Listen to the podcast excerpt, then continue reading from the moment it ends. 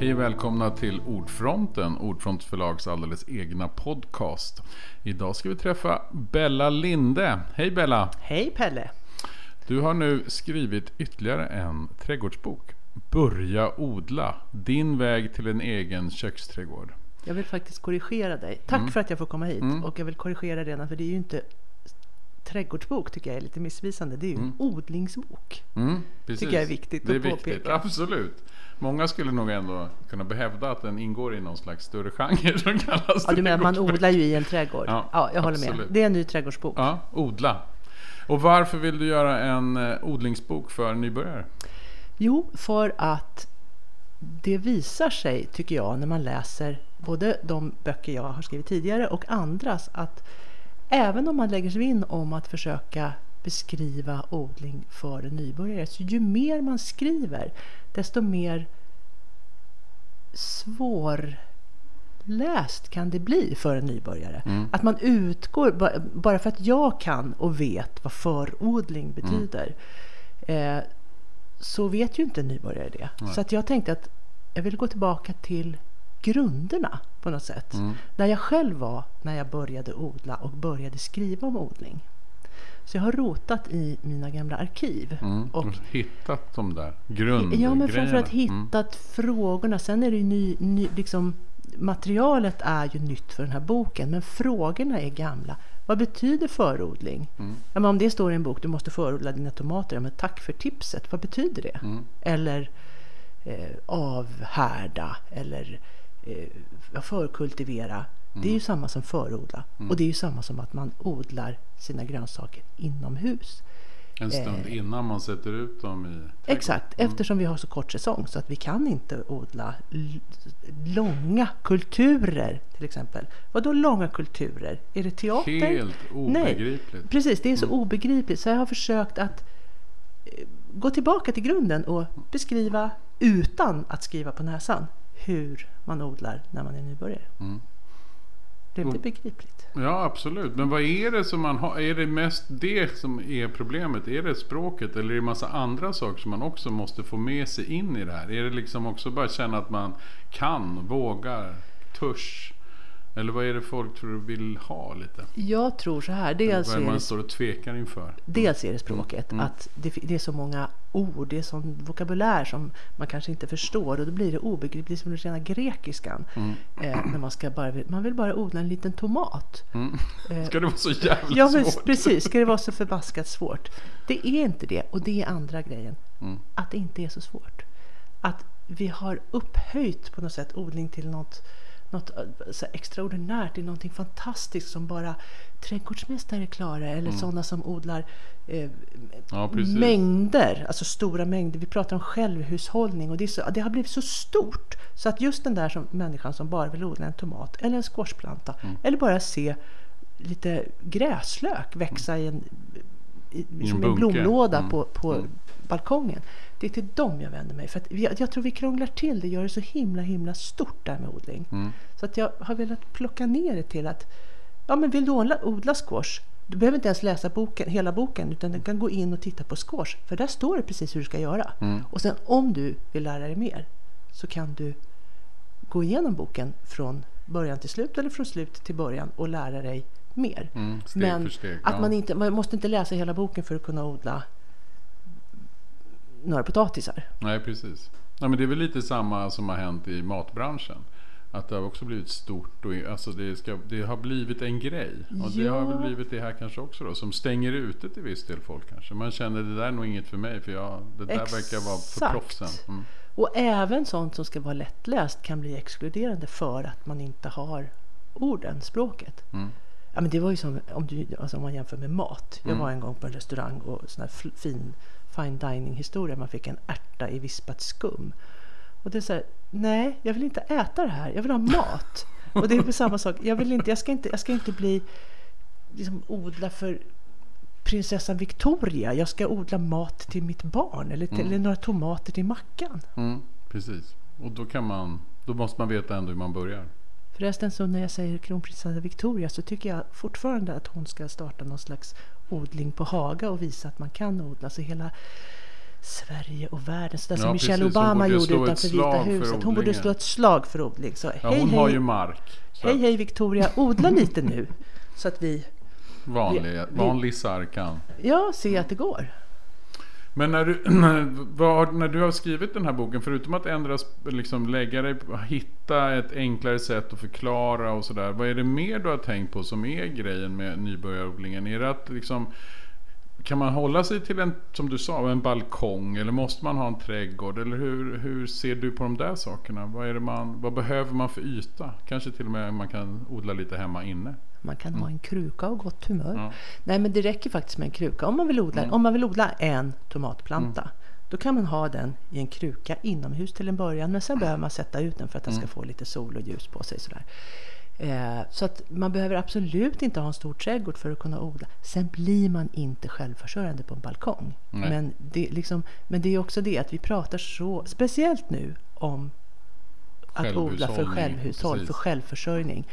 Eh, och det har blivit så himla stort. Då måste man återigen. ha en liten gård nästan. Ja, eller? men, Mm. eller ja, Ja. ja. det räcker med en villatomt av ganska, med mer än 500 kvadrat kanske. Mm, Tusen, har man 1000 kvadratmeters tomt då får huset plats på hälften så kan man odla på hälften. Mm. Då kan man bli självförsörjande.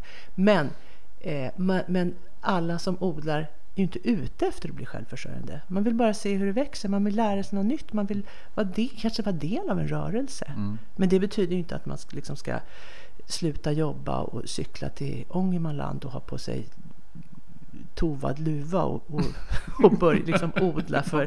Man behöver inte bli som Bella. Jag förstår vad jag menar. Jag fattar precis. Att det, det, det blir så, den där självförsörjningen är ju jättebra Mm. tycker jag. Jag håller ju på Själv va? själv och jag, jag skriver mycket om det. Mm. Men att odling inte är detsamma som att man måste bli självförsörjande utan att man kan odla i liten skala. Var det så här det började för dig också? Alltså att du började i den lilla skalan och tyckte det här var spännande och sen har det vuxit? Nej. Eller liksom, du ville gå direkt in på Jag ville gå mer? direkt in på Mm. överlevnad faktiskt. ja, Jag precis. är ju uppvuxen med... Eh, mina föräldrar odlade på vårt sommarställe i Halland när jag var liten. Och då, då, jag vet inte hur de odlade riktigt. Min pappa han odlade gigantiska lökland och, och potatisland. Han gillar lök. Han gillar lök och vi gillade inte lök för vi fick ligga i de där jäkla rabatterna och, och rensa ogräs och så fick man så här 10 öre per meter som man räkna, rensade. Eh, och det var jättemycket eh, kemiska eh, det var ju också jättekonstigt. Blåkorn hade de fast vi bodde granne med en bonde. Så man kunde få Mm. Men det var väl lite så? Det kanske, var så på, tiden? 60-talet. Mm, Ja, mm. 1960-talet. 1900-talet Pelle. Mm. Det låter jättelänge sedan. Men jag är född på 1900-talet. ja, jag det sticker jag inte ja. under stol med Nej.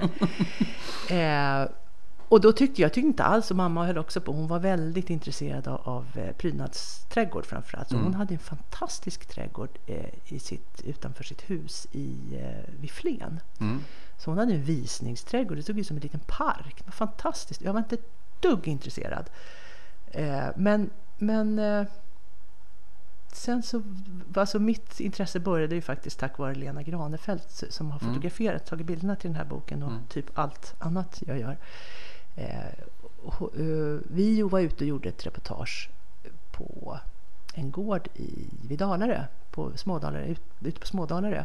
Och det visade sig, alltså det var en handelsträdgård, och det visade sig att det var familjen Bonniers eh, skafferi som de hade under andra världskriget. Så de odlade alltså grönsaker Jaha. till familjen. Ja, precis. Och när, när vi liksom förstod det och då tittade Lena på mig och sa Skulle du kunna odla mat till din familj? Jag bara nej, ingen aning.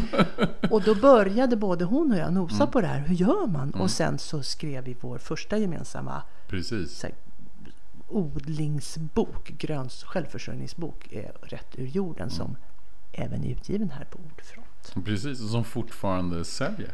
Ja, Alltså, som, Den har ju aldrig slutat sälja sedan dess. Det har blivit en liten, en liten klassiker.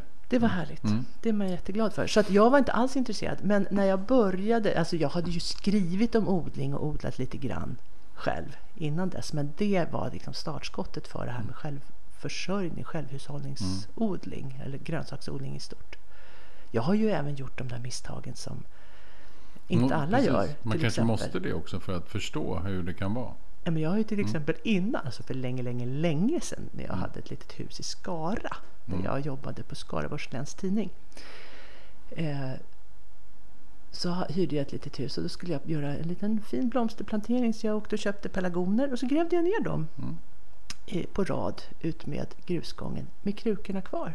Ja. Ja, det liksom var inte så bra. Det var, skulle vara ingen idé. Det var jättedåligt. Så att, De trivdes inte nej, bra de trivdes inte alls. Och, eh, så jag har ju varit där, djupt nere i okunskapens träsk.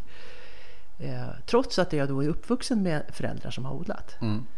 Men det går är väl lätt hänt att inte sånt där inte alltid traderas, eller hur? Alltså att man inte får reda på det. Nej, Och man vill inte. Och för någon är det helt självklart. Alltså det är ju samma.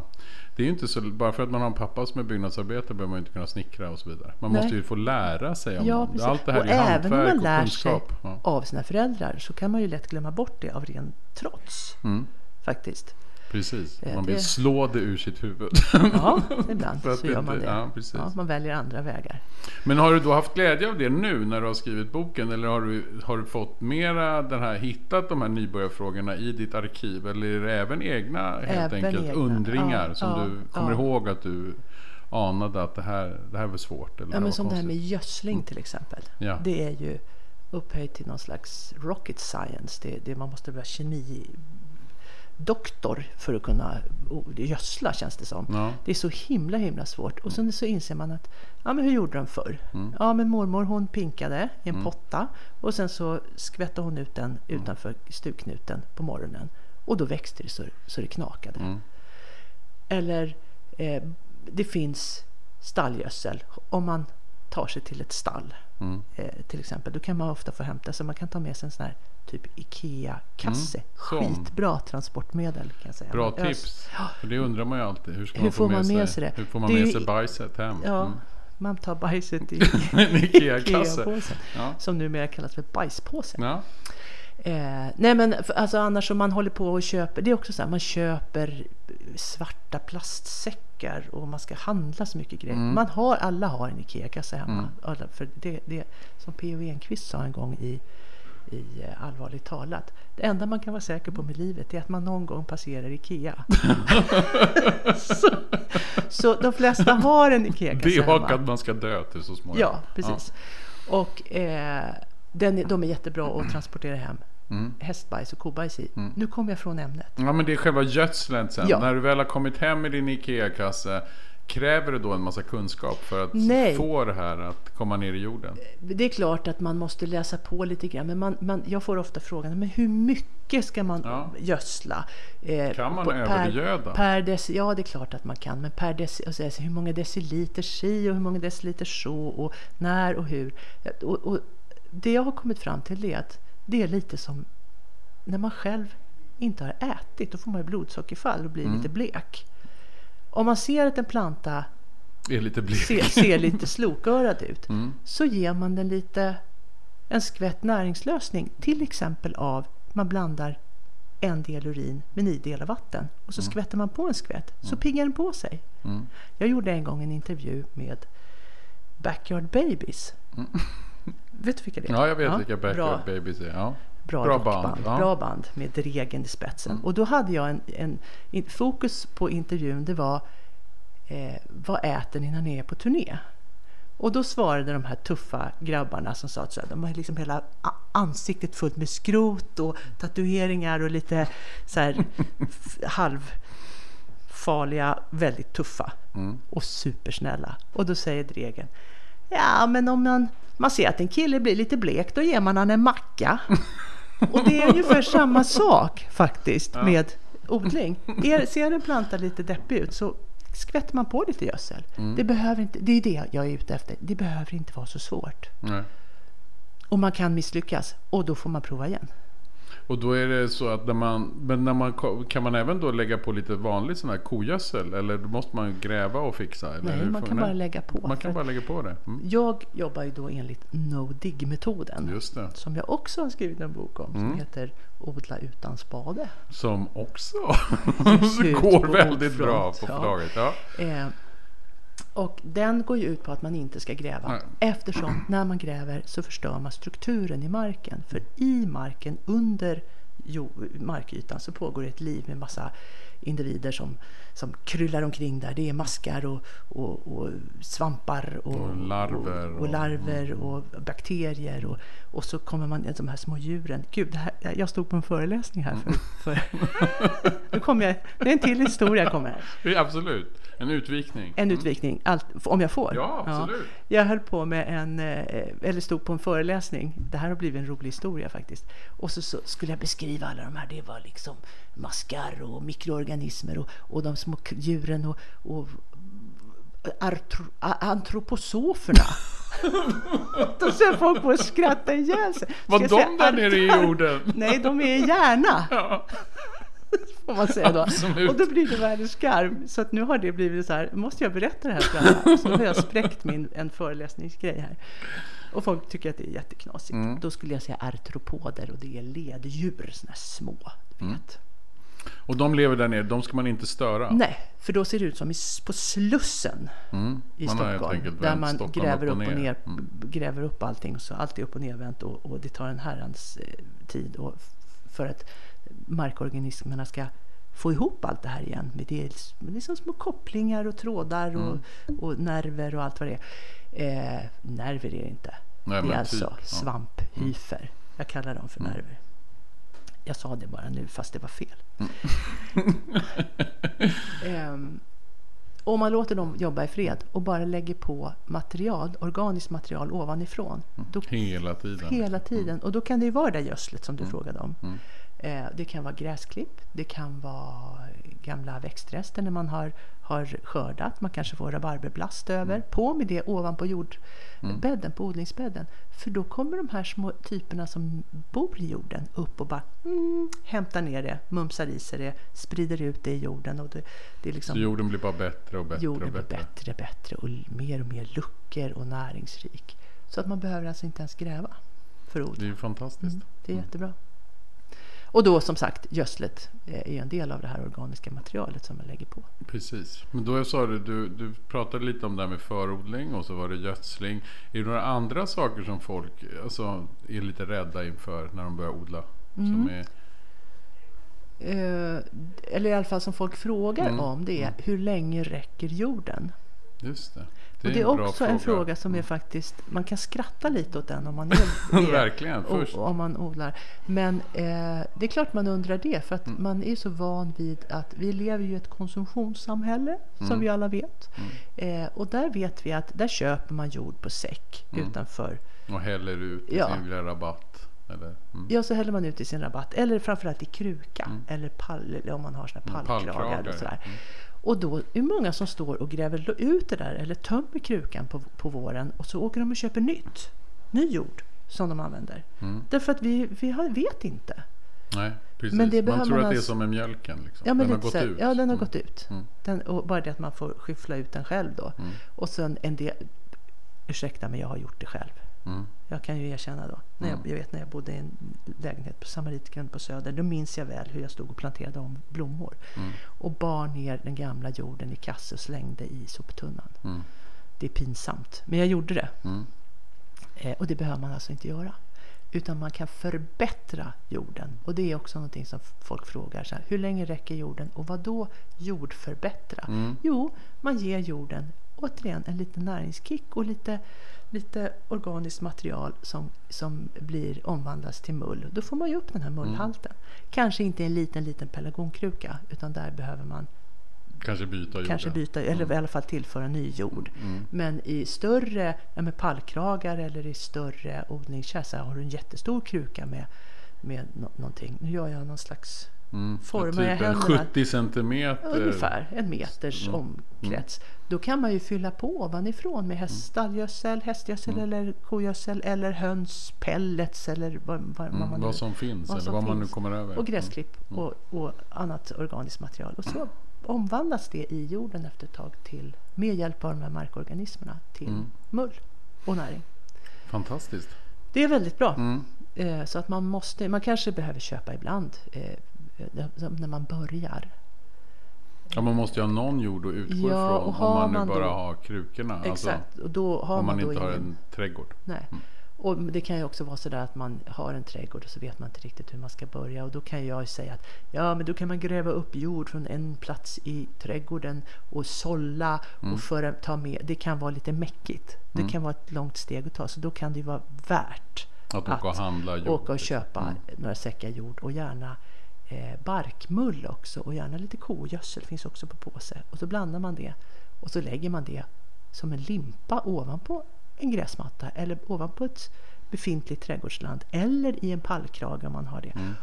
Det är nästa sak jag vill säga. Ja. Att pallkrage är inget måste för att kunna odla. Nej. Det har blivit, pallkrage, odling har blivit synonymt med pallkrage plötsligt. Pallkragen är bara en ram som håller ordning lite på, på odlingsbädden så att den är, är Men det kan man ju använda vad som Ja, helst till, eller hur? absolut. Att lägga lite... Det kan vara vilka brädor eller plankor eller stenar eller Ja, vad som helst ja. som man kan sätta i. Eller ingen, man behöver inte Ja, ens ha en ram. alls. Nej, men om man nu vill avskilja Ja. det lite. Mm. Mm. Men det är väl också den där hysterin hela tiden. Även pall- pallkragar säljs ju av någon. Exakt. Och grejen med pallkragen från början, den är ju ett transportmedel som användes i transport, Mm. av transport, används av transportbranschen. Då man lastar grejer på en pall och så sätter man en krage på pallen så att grejerna Mm. Inte inte ska ramla ur. sidan. Och så kan man stapla de där kragarna på varandra så de blir jättehö- det blir som en jättehög låda.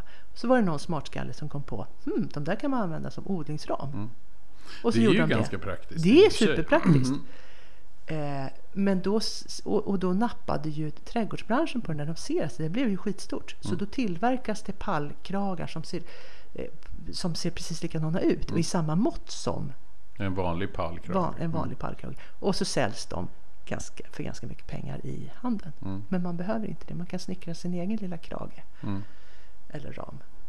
Av vilka brädor som helst. Ja, eller man kan lägga ut stenar eller man kan som sagt ha ingenting heller. Men när du odlar, då, följer du dina egna råd här då hela tiden? Är det, så här, är det dags nu alltså att börja göra någonting? När Ja. börjar man då förodla till exempel? Till exempel så kan man Eftersom ju det börja... ordet har vi ju lärt oss. Ja, förodla eller förkultivera. Det kan man börja med eh, redan i januari om man till exempel vill odla chili eller kronärtskocka. För de har väldigt, eller rotselleri. De har väldigt lång, nu Okej. pratar jag väldigt Ja, tydligt. för att det tar Ja. lång Det tid. tar lång tid för Ja. dem att bli färdiga. Okej. Och det är ett av skälen till att jag inte har med dem i boken. För att jag tyckte att det blir för krångligt, Mm. för komplicerat. Så att om man ville börja i januari då hade man kunnat börja med just Mm. eh, chili och, och rotselleri och kronärtskocka för de har jättelång utvecklingstid. Men så här i mars, kanske till och med framåt april Mm. eh, så är det bra att börja med tomat. Mm. Tomat brukar man förodla ungefär, peta ner första fröet inne i en kruka ungefär 6-8 veckor innan man kan sätta ut dem Mm. i utomhus. Och det kan man göra när första frosten, Har- risken för, första, för frosten är, är borta och det brukar vara någon gång i början på juni. Mm. Och sen så har vi det där lite trixiga, eller två trixiga grejer. Dels så frostnätter, eh, de kommer och då får man vara på pass med någon liten fiberduk eller någon liten filt eller bygga något litet tält åt sina små, små odlingar så att de inte fryser om man har tagit ut dem.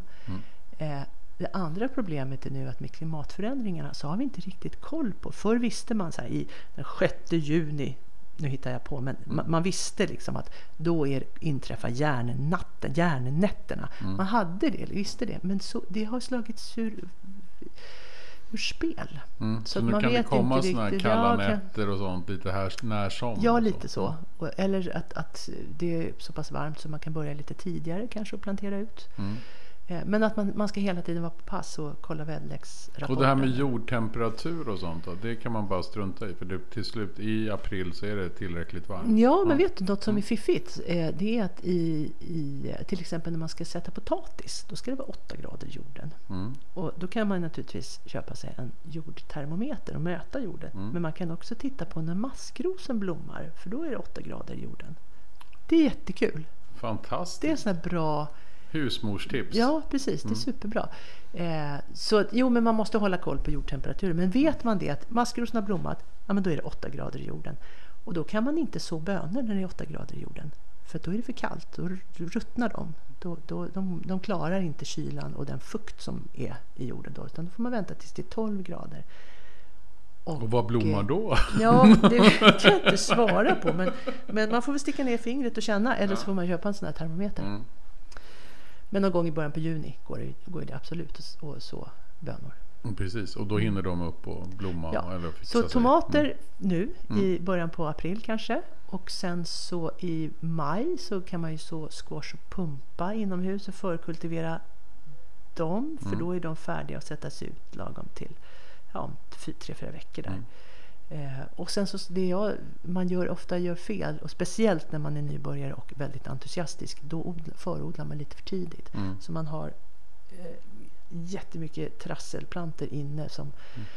Liksom hela vardagsrummet dignar av tomatplanter. Man sår ofta för mycket. Mm. Det är också någonting som är, och det är hemskt om man liksom åh de här fröna är så små och så, så, så Mm. petar man ner frön i Många frön 42, överallt. många ja. Mm. frön i 42 krukor. Gärna av olika sort. Och sen, har- sen så är det någon katt som går omkring och, och, och, och flyttar runt. Ofta katter med lapparna du vet som man petar ner. Som, Det ska man inte ha. Nej, man ska inte ha katt. Barn Nej, men katt. barn och katter de brukar flytta runt som så här märkpinnar. Det, är Mm. liksom, det ligger alltid märkpinnar utsprättade på, på ut, liksom har sprätt ut ur krukorna. Så man vet inte vad det är man Men är inte det också ett vanligt, som att man ibland är för entusiastisk och odlar Jo. lite för mycket? Jo. För det Jo. blir också något att ta hand om sen. Ja, och det är så, så om man har 40 tomatplanter, Mm. det finns, alltså om man inte är storodlare så kan man inte hantera det. Och då får Mm. man, vad ska man göra med de där 30 som blev över? För man Precis. kanske bara har utrymme för 10 Mm. stycken. Det är ett misstag jag har gjort. Jag har satt tomater för tätt. Jag har växthus. Och så har jag petat så att ja, men ja, de här små plantorna, de är ju så små. Och sen så bara växer de över huvudet så står man i en djungel. Mm. Och det ger ingen frukt för att det är för tätt med, med blast. De, de får inte ljus, de får inte utrymme, de får inte tillräckligt med näring. Nej. Så att, ja, det är ett, ett För det vet jag att du tipsade om redan i Rätt ur jorden också. Att man ska vara beredd på att ta hand om allting. Och Mm. se till att man kan förvara och sådär också. Är det något man måste tänka på även som nybörjare? Eller man, om man börjar i liten skala så är det inget problem. Nej, om man, nej, precis. Om man har ett, ett par tomatplantor i Då hinner man äta upp dem, Då hinner liksom. man äta upp och sallad hinner man käka upp. Och, Mm. Och så det är väl om man börjar odla i, I stor skala som man Ja. måste börja tänka på det. eh, 100 kilo morötter. Då måste man ju veta vad man ska göra av dem. Mm. Hade du känt att du hade behövt den här boken en gång i tiden? Ja, Mm. det är därför jag, jag gör ofta så att jag skriver saker till mig själv. Mm. Så, sånt som jag tror att jag, eller tycker att jag själv behöver eller be, har behövt. Mm. Eh, så att ja, eh, Ja, jag skulle ju kasta mig över den här Mm. boken om jag var nybörjare. Precis.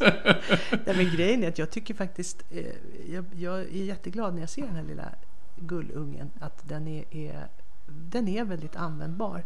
Och jag gör så när jag odlar, att jag går tillbaka till mina egna böcker, till det jag själv har skrivit. Mm. Och andra också.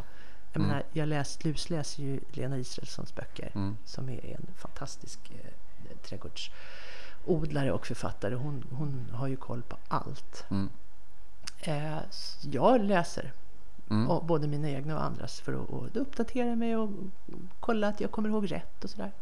Precis, men det har väl lite saknats en sån här guide för den som faktiskt... Alltså det är också det att man ska inte heller... Den är ju till för de som är absolut helt, helt noviser vid, vid trädgårdslandet. Men man kan ju förstås följ, den här kan ju följa med en förstås Ja, hela absolut. livet. Men, Jag hoppas det i alla fall. men man tror ju att det finns ett stort behov där. För att just det här att folk, även jag själv, det finns ju massa saker som man hinner glömma mellan tiderna. Och Mm. man börjar plötsligt så här, nu ska jag odla det här, vad händer då? Och så, mm, eller hur? mm. Alltså, så man är ju, kan ju vara nybörjare för, för vissa saker Exakt. i trädgårdslandet. Det vi har, har gjort, jag och eh, Helena Lindblom som är redaktör, eh, vi har tänkt väldigt mycket på tågordningen. Mm. Så att när vi har, har, har eh, listat, vi har tio grönsaker som är ganska lättodlade. Mm.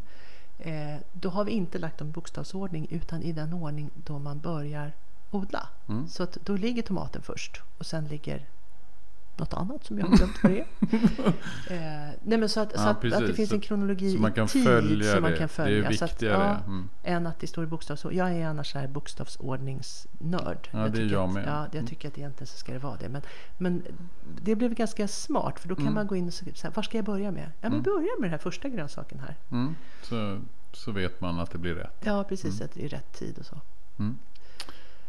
Eh, ja, Kalas hörru. Mm. Tack så hemskt mycket tack Bella Linde för att du kom hit till Ordfronten. Men ett extra tack förstås för att du har skrivit Börja odla. Tack så mycket. Mm. Det ska bli roligt. Den ska vi ut och använda ute på landet.